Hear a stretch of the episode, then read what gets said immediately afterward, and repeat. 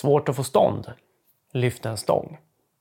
Äh, förlåt, jag är skittrött. Jag har vabbat hela dagen. Men erektionsproblematik, manlig impotens, nedsatt libido för snubbar. Obekvämt ämne och inte någonting som jag är expert på. Det kan jag börja med att säga här att det här är någonting som jag varken akademiskt eller praktiskt är någon eh, gigant inom, kan man väl lugnt säga. Men jag tyckte det var spännande. Det var en ny studie där man hade tittat på ett par tusen snubbar, eller gubbar egentligen, äldre män, 50-60 års åldern, där de själva hade fått rapportera olika grejer enligt en skala. Och några av de sakerna man rapporterade var just det här med libido, erektionsproblematik, svårt att prestera i sängen. Och det man ville se här var, för det är så här att det är ganska väl etablerat att kardiovaskulära riskfaktorer är dåligt för sänghalmen. Det är svårt att liksom inte försöka vara, göra sig lustig över det här, men det, det, finns ju ingenting roligt med det här överhuvudtaget. Utan diabetes, högt blodtryck, sådana saker som drabbar blodkärlen är negativt för förmågan att få erektion,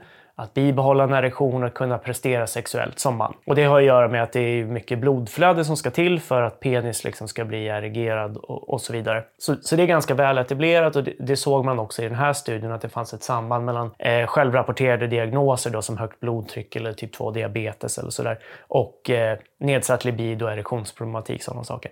Men det man ville titta på i den här studien var specifikt eh, muskelstyrka och liksom vad det har för roll i det hela här. Och det tittade man på genom att i det här formuläret så ställde man även frågor om har du upplevt att du har förlorat styrka? Och då var det liksom nej, jag har inte förlorat någon styrka eller jag har förlorat någon styrka i viss grad. Så man delade upp det liksom så här bibehållen styrka eller på något sätt förlorad styrka. Då. Och det här var, gjorde man då som sagt på ungefär 2000 äldre män. Eh, det var i nordiska länder, det var i Island, Norge, Danmark och i eh, Estland om jag inte missminner mig. Och så tittar man på, finns det något samband mellan då att man, man uppger att man då förlorar styrka och någon form av liksom sexuell problematik? Och det såg man också att det fanns. Så precis som då med eh, de här kardiovaskulära riskfaktorerna som hypertoni och sådär, så såg man att liksom förlorad styrka eller nedsatt styrka, som man då antar kommer med åldern på något sätt, korrelerar då med någon form av sexuell nedsättning hos män.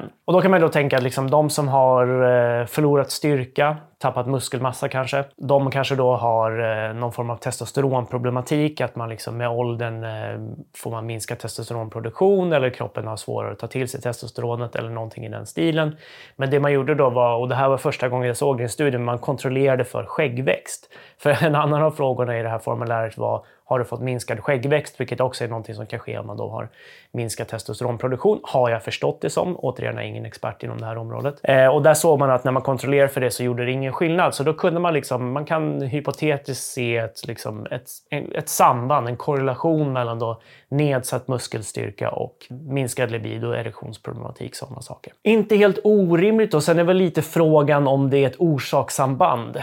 Och vidare då skulle det göra någonting om den här problematiken om man då går och lyfter en stång, om man styrketränar, om man försöker att bibehålla sin, sin styrka och sin muskelmassa. Det är ju lite mer oklart och den här studien kan inte riktigt visa på det.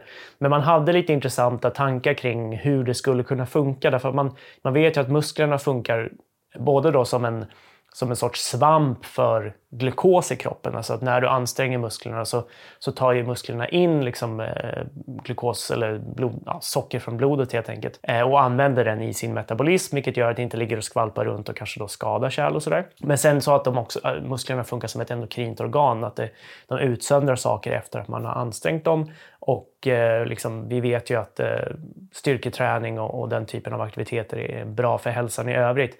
Så man har liksom möjliga fysiologiska mekanismer till varför det här skulle kunna fungera. Så liksom, jag behöver inte sälja in styrketräning kanske så mycket för de som tittar på det här, men det, det är väl ytterligare ett, eh, ett slag för den saken. Alltså att, förutom då att man ska försöka hålla sig hjärt-kärlfrisk så ska man även försöka bibehålla sin eh, muskelmassa genom åren. Om man då vill kunna liksom prestera sexuellt. Men det, det är väl hyfsat eh, rimligt att anta att de flesta vill det på något sätt. Så spännande grej. Jag behövde liksom inte så mycket mer motivation för att bibehålla muskelmassan och, och jag har redan två barn så att för min del så är det inte, inte jätteviktigt höll jag på att säga. Men för tillfället är det inte jätteviktigt, men det kanske blir det när jag blir 50-60, vem vet? Det var egentligen det hela.